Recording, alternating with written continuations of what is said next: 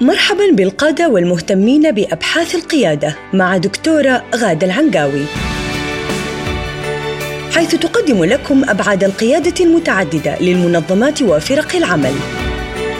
وتلتقي بكم كل أسبوع في لقاء شيق لطرح مفاهيم حديثة تثري رحلتكم القيادية. مستمعينا الكرام في كل مكان حياكم الله في حلقة جديدة من بودكاست القيادة مع الدكتورة غادة طلال العنقاوي المتخصصة من أكثر من 20 عام في القيادة بجميع مستوياتها من خلال أبحاثها في الدكتوراه وبخاصة السلوك القيادي الفعال وتخصصها في التوجيه القيادي وتوجيه فرق العمل أو ما يعرف في العالم ب leadership and team coaching حياك الله دكتورة غادة. أهلا وسهلا. يا أهلا وسهلا فيك. دكتورة آه، خلينا نبدأ الحلقة بتذكير المستمعين بالمؤشرات الثلاث للفريق عالي الأداء اللي تحدثنا فيها في الحلقة الماضية ثم ننطلق آه، بعد ذلك في آه، محاور هذه الحلقة. ممتاز توكلنا على الله، اذا إحنا تكلمنا المرة اللي راحت عن المخرجات كمؤشر أساسي لأنه الفريق عالي الأداء. وتكلمنا إنه آه، الفريق يفوق التوقعات ويكون هذا أفضل من مجرد إشباع التوقعات التفوق فيها. وتكلمنا عن إنه المؤشر الثاني هو التمكين والاستدامة للفريق. وأما المؤشر الثالث تعلم الأفراد وتطورهم فتطرقنا له بشكل بسيط وإن شاء الله آه، نتكلم عنه آه، خلال هذه الحلقة والحلقات القادمة. بإذن الله. اذا هذه المؤشرات الثلاث المخرج والتمكين والتعلم. خلينا دكتورة آه، كمدخل لهذه الحلقة سؤال يمكن يتبادر في ذهن البعض. كيف يحقق الفريق الثلاث معايير؟ وحتى بعدها نقول فعلا والله إنه هذا الفريق فريق فعال. ممتاز.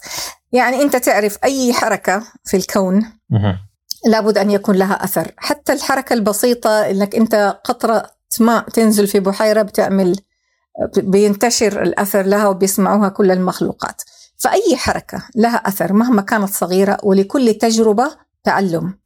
ومن ذلك أثر هذا التعلم على الفريق على أعضاء الفريق نفسهم المشاركين. معناه كيف ينمو كل شخص ويتعلم مع مرور الوقت بدلا من أن يضعف وينقص علما ويتقلص نتيجة لعمل هذا الفريق. إحنا ممكن نحصل على نتيجتين. ما في حالة آه، ثبات. يعني ما في شيء اسمه والله الشخص جلس وما تعلم شيء. يا أنه تعلم شيء إيجابي وصعد لفوق أو أنه أخذ تجربة سلبية ونزل لتحت. سواء كان من ناحية المشاعر من ناحية الأفكار من ناحية السلوكيات من ناحية آه، مقدراته وجداراته إلى آخره. طيب. فتكون تجارب الأعضاء في الفريق سببا في تقدم الأداء وتميزه.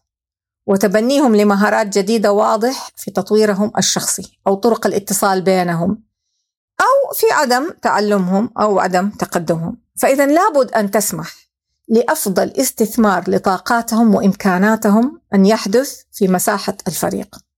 ففريقنا السابق المسؤول عن تفعيل إجراءات العمل عن بعد حسب تكليف رئيس الشركة قد يكون فكر في الاستدامة ولكن كان هناك غياب لخطة تطوير وتعلم شخصي لكل منهم أو غياب لاستثمار إبداعهم وعلمهم ومعارفهم المتنوعة.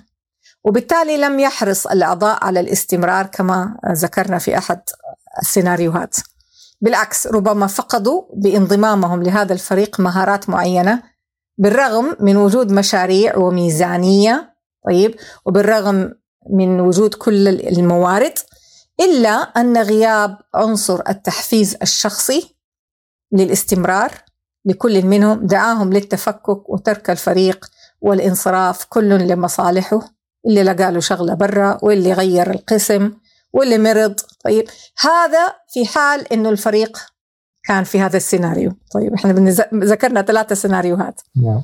المثال طبعا افتراضي يعني أنا ما عندي مثال حقيقي بس أنا متوقعة أنه كثير من المنظمات مرت بهذه الأزمة أزمة تفعيل ممارسة العمل عن بعد.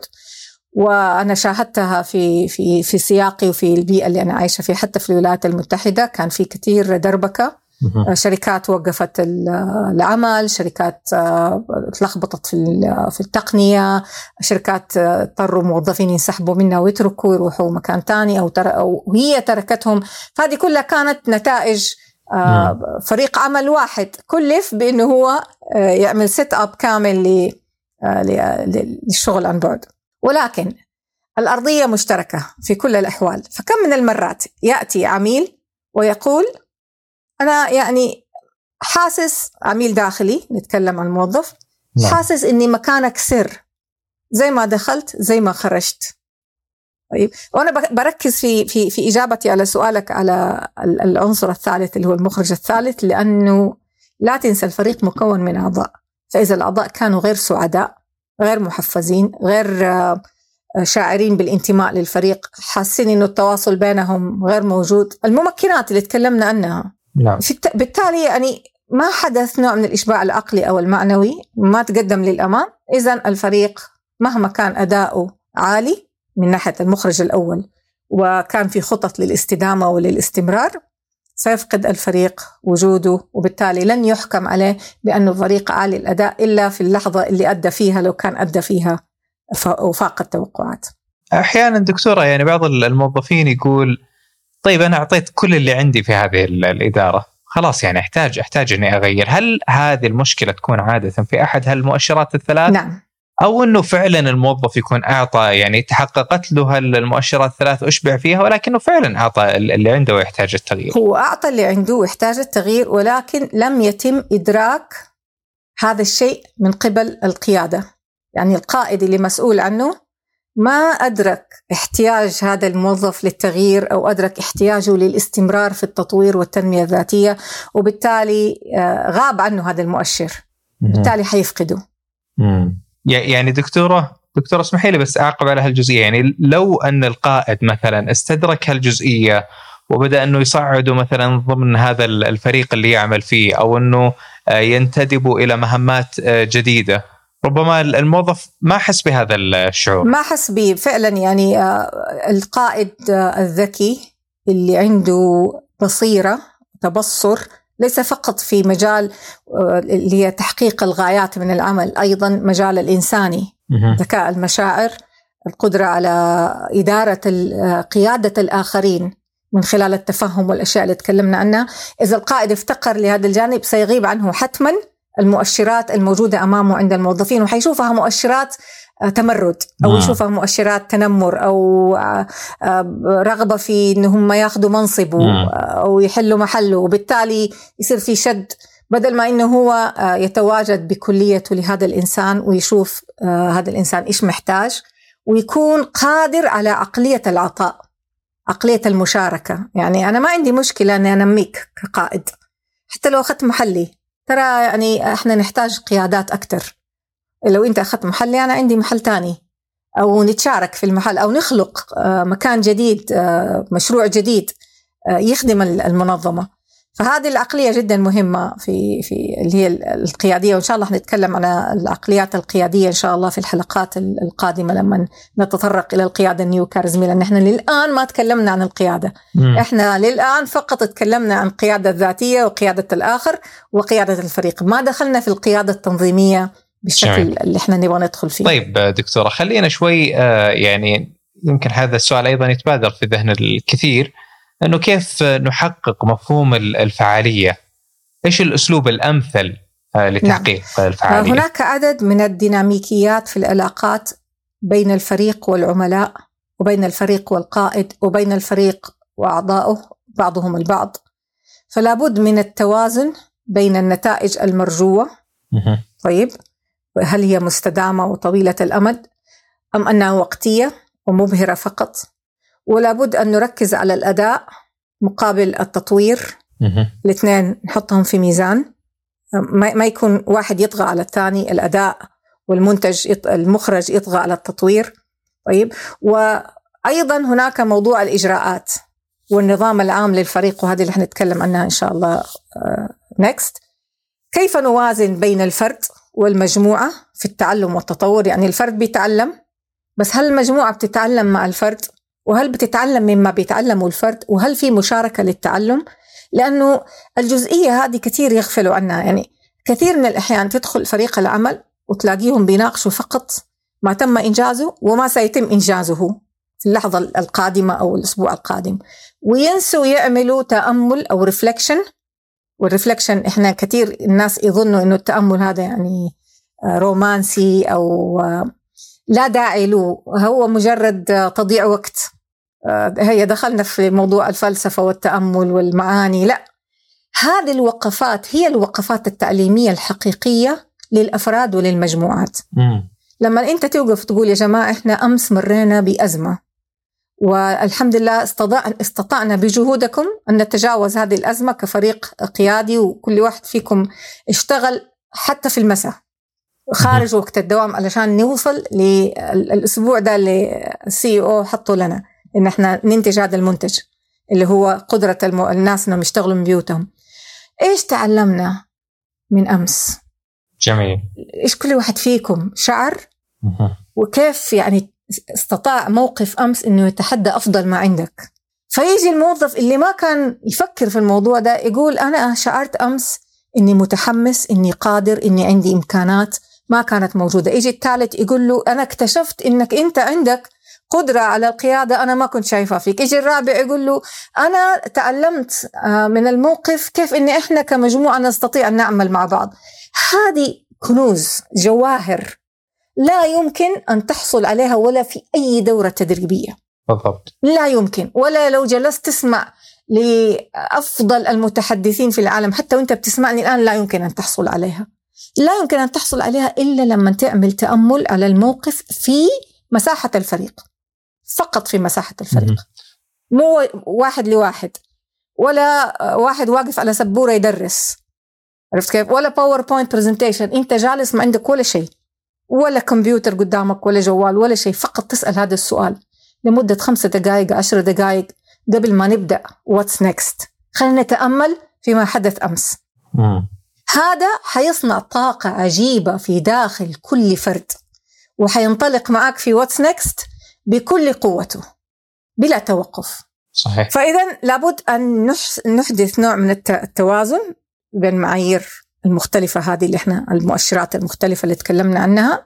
وحنركز الآن على إيش طبعا إحنا ما ننسى الشروط. التمكينية لأنه كلها كانت أدوات. الشروط الأساسية والتمكينية كانت أدوات. لو كل واحد قائد الآن بيسمعنا في هذه اللقاءات عمل آه، مراجعة لهذه الأدوات ورجع لورا حيلاقي إنه هذه الأدوات حتخدم هذه اللحظة اللي إحنا فيها الآن بنتكلم عن. آه، موضوع التوازن بين الثلاث المخرجات. جميل. وفعلا يعني هل هالوقفه هالرفلكشن أثره عجيب يا دكتورة؟ يعني وأنت تتحدثين أنا خطر على بالي الكثير من ال- المواقف. ومتأكد إنه أيضا المستمعين والمستمعات خطر على بالهم الكثير من هالمواقف اللي يا يا كثر ما نشتغل آه، يعني ونجتهد ثم يأتي بعد ذلك عمل ونعمل من جديد ونعمل من جديد حتى يكون العمل هو آه، يعني الديدن اللي آه، مع الوقت يتحول إلى روتين مزعج وروتين ممل. لكن سبحان الله ما ان تاتي هاللحظة ويأتي مثل هالسؤال ومثل هالنوعية من اللقاءات أو الرفلكشن أو التأمل. إلا أنها تعمل يعني شحن عجيب لكل موظف ولفريق العمل. وبعدين يتنبه الفرد فعلا إنه والله آه والله أنا فعلا أنا كنت عامل كذا. وزميله الآخر يعني لما يبدأ يثني عليه ويشكره يكون لها تأثير جدا نعم. كبير في في نفسه. نعم نعم. يعني أنت شكلك مريت ببعض هذه اللحظات. آه، أنت والله أنت لما كنت تتكلمين يعني كان في شريط صراحة يمر في في ذهني. يعني هذا هذا سحر الكوتشنج التوجيه. القيادي. آه، يظن كثير من القادة أنا ما أحتاجه. أنا أعرف كل شيء. أنا متوازن. أنا حياتي ماشية كويس. أنا شركتي صاعدة. لكن ينسى إنه هذه الوقفة وقفة التعلم يعني تشترى بألوف الدولارات زي ما يقولوا. صحيح. ولذلك وظيفة ال coach اللي هو ال leadership coach وال team coach إنه يخرج هذه اللحظة منك. بهذا السؤال ويسمع لك. ويديك هذه المساحة إنك آه، تبدع وتطلع أفضل ما عندك للآخرين. وهم يسمعوك. وهنا يجي التفاؤل. وبعدين. ينسحب ال coach ويجلس شوية ساكت كده ويستناك. تكمل. طيب. وبعدين يوقفك مرة تانية ويقول لك دقيقة. إذا إيش تعلمنا الآن؟ طيب كيف حناخذ هذا التعلم للحظة القادمة؟ ينبه الناس انهم في. اللي تعلموه ممكن تطبيقه ممكن إعادته ممكن تكراره. وهنا جميل. يجي دور الكوتش طيب دكتورة خلينا اسالك عن الإجراءات المهمة اللي ينبغي على أي فريق آه، حتى يكون نعم. فعال نعم. انه يتبعها هناك إذا إحنا الآن خلصنا من الشروط الممكنة والتأسيسية ورحنا للمخرجات والآن حنيجي للحلقة المفقودة في الوسط إيش نعمل وإحنا في الفريق مع بعض إيش بنخلق سوا مع بعض اللي هي الإجراءات اللي والأنظمة اللي بنصنعها علشان ننجز هذه المهمة أو هذا العمل هناك الكثير من الإجراءات المهمة والمتنوعة بتنوع فرق العمل وغاياتها. ولكن ليس كل هذه الإجراءات تدفع الفريق للفعالية. قد يبدو أن بعضها مهم ويستخدمه الكثير من المستشارين في التطوير التنظيمي والإداري طيب. وتشوف الناس يتبادلوا نماذج وانفوجرافيكس على الفيسبوك وعلى الواتساب وفي اليوتيوب والناس تشرح نماذج وإذا استخدمت النموذج ده ترى حينتج عنه كذا. كلها هذه أدوات. الحقيقة الحقيقة إن إحنا كفريق عمل لازم نوصل للأداة اللي إحنا نبغى نستخدمها اللي تتناسب مع مقدراتنا تتناسب مع سياقنا تتناسب مع عقلياتنا تتناسب مع طرق الاتصال بيننا بنفسنا. مم. يعني ما في أحد في الدنيا حيديك نموذج كامل ومفصل وتمشي عليه كده خطوة بخطوة وتنجح. حتى نموذج القيادة النيو كاريزمية هو عبارة عن مجرد جايد لاين يعني موجه أو يعني خارطة الطريق مرشد. أيوه مرشد مرشد يعني. ترى خذ الفكرة وروح انت ناقشها مع الفريق وشوف كيف انت حتطبقها معاهم كقائد. طيب؟ فمثلا تحسين العلاقات الشخصية هل يؤدي إلى فعالية الفريق؟ أنا طرحت السؤال ده قبل كم أسبوع في لينكدين وحطيت عليه بول للأسف يعني الناس يتفاعلوا لكنهم مو عارفين كيف يتفاعلوا البعض يقول لك لا حتما تحسين العلاقات يؤدي إلى فعالية الفريق. النتائج. حسب الأبحاث وحسب كلام الدكتورة روث واجمان المتخصصة في الأداء العالي لفرق العمل في جامعة هارفارد العلاقات القوية بين أعضاء الفريق هي نتيجة قوة الأداء وليس العكس. يعني إذا أنت قدرت كقائد تخلي الفريق يمر بتجربة نجاح من ناحية من جميع الجوانب اللي تكلمنا عنها بكل المؤشرات هذا حيؤدي إلى تحسين العلاقات. يعني أنت ما تحتاج يجيك بعض ال coaches team coaches أول ما يبدأ يبدأ ب إحنا إيش نشعر تجاه بعض؟ كيف نقدر بعض؟ إيش القيم المشتركة بيننا؟ جميل. بس أنا ما أمضي فيها وقت طويل لأنه أنا بصنع أداء. لأنه الأداء حيصنع هذه الأشياء. جميل. بعد ما نخلص الأداء ونعمل تأمل حنكتشف إن إحنا كنا متفقين في كذا وكذا ونتعرف وننبسط مع بعض ونفرح ونعمل celebration الأداء هو عشان لا يضيع وقت التنظيم. لأنه أنا كموجه مكلف إني أرفع أداء الفريق. وساعده يرفع اداءه ويتعرف على جوانب القوة والضعف عنده ويتغلب عليها. فلما أجلس أمضي آه، نص ال engagement حقتي في تحسين العلاقات ترى أنا ضيعت وقت الناس. في النهاية إحنا ممكن نجلس ننبسط للصباح ونحتفل لكن ما عملنا شغل. العلاقات ستتحسن بتحسن الأداء يعني علاقة طردية. بتحسن الأداء. اذا إذا أخذنا نعم. النموذج الرياضي يعني يقول لك العلاقات طردية وعكسية فهي علاقة طرديه مع الاداء نعم. هذه فقط أحد الإجراءات اللي يعني يتخذها بعض المستشارين علشان يحسنوا أداء الفريق ويبدأوا غلط. عرفت كيف؟ يعني أنا دائما أبدأ بالأداء. اذا هناك عشان نختصر إحنا قربنا على نهاية هذه الحلقة ثلاثة إجراءات. إذا تم تبنيها من قبل فريق العمل المعني تؤدي إلى الفعالية حسب دراسات هارفارد الإجراء الأول نسبة الجهد المبذول. والإجراء الثاني الاستراتيجية الصحيحة اللي يأتي بها الفريق لأداء المهمة. والإجراء الثالث كيف يوظف الفريق خبراته الواسعة والمتنوعة في خدمة المهمة. ثلاثة. ثلاثة إجراءات أساسية بعد كده تحط تحتها اللي تحتها يجي بعد كده حنتكلم عنه في الحلقات الجاية إن شاء الله في ثلاث حلقات لأنه تحتها آه نماذج وفيها كلام كثير لكن خلي يعني المستمع اليوم يخرج من هذه الحلقة بهذه الثلاث الأشياء. نسبة الجهد المبذول الاستراتيجية الصحيحة توظيف الخبرات. بس بكل بساطة. وفكروا فيها دعوة للمستمعين وتفاعلوا معنا وأسئلة أسئلتكم في الكومنتس على الحلقات. أنا طبعا أحب دائما تجيني أسئلة وأعيد طرحها آه، في الحلقات القادمة.